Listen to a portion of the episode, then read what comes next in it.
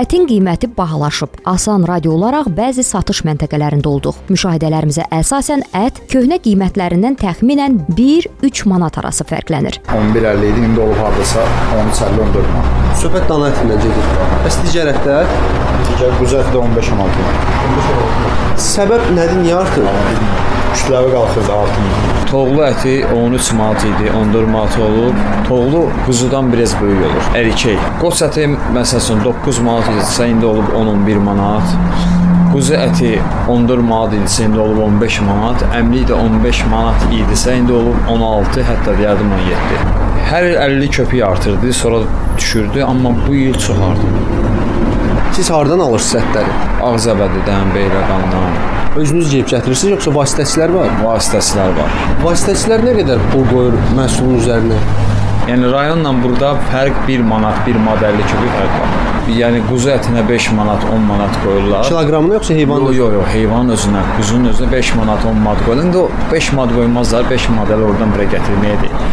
10 manat quzuya qoyarlar, bir 20-30 manat da danaya. Qiymət artımının səbəbi nədir bilirsiniz? Yemin qalxması, buğdanın zadının qalxması. Alıcılıq qabiliyyəti necədir bəs? Alıcılıq qabiliyyəti çox zəifdir. Çünki əvvəl məsələn 2 kilo ala bilən adam indi 1 kilo, 1 kilo 200 qram gücündən alır o da 1 aydan bir. İstehlakçılar da qiymət artımının alıcılıq qabiliyyətlərinə təsir etdiklərini dilə gətirdilər. Çox təəssüf ki, bahalaşır, həddindən artıq bahalaşır. Əvvəl 11 yarıma alırdıq, indi deyir 13-ə qədər yaxınlaşır. 12 yarım, 13 qədər yaxınlaşır. 13 yarım. Əhalinin alıcılıq qabiliyyətinə şübhəsiz mənfi təsir edir. Əvvəl 10 manat idi, amma indi artıq 12, 13 ona qədər qalxıb. Hətta qoyun əti daha çoxdur. Daha bax. Bu sizin alıcılıq qabiliyyətinizə necə təsir edir? Təbii ki, pis, mənfi.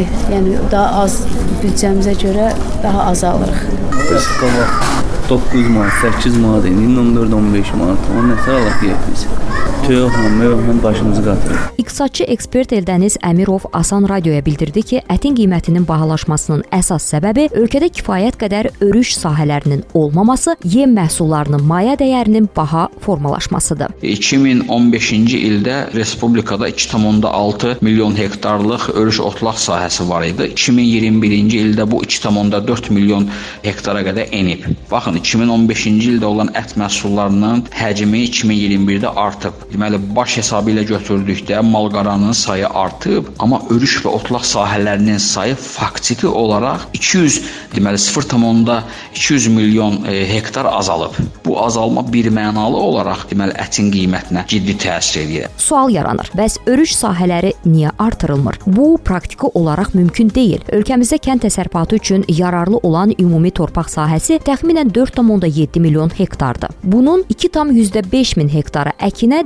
digəri isə örüşə istifadə edilir. Örüşü artırmaq üçün əkini azaltmaq lazımdır. Bir sözlə, kənd təsərrüfatlı torpaq ehtiyatlarımız ölkə tələbatını qarşılamağa imkan vermir. İqtisadçı ekspert Eldəniz Əmirov deyir ki, yeganə çıxış yolu məhsuldarlığı artırmaqdır. Yəni 2015-ci ildə baxın, eyni ərazi hələ azalıb, əvəzində heyvanların sayı artıb, insanların sayı artıb. Yəni qida ehtiyacı çoxalır, ərazi stabil qalır. Bunu həll etmək üçün biz nə etməliyik? Biz bunu həll etmək üçün yeganə çıxış yolu məhsuldarlığın artırılmasıdır. Yəni 1 hektar ərazidən götürülən ət, 1 hektar ərazidən götürülən taxıl, 1 hektar ərazidən götürülən X məhsulu hər nə məhsul olursa olsun. Bunun məhsuldarlığı artmalıdır ki, artan əhali kütləsini, artan tələbatı qarşılaya bilsin. Biz buna nail olmayınca biz artan qiymətlərdən yaxa qurtara bilməyəcəyik. Ümid edək ki, çıxış yoluna doğru addımlar atılacaq.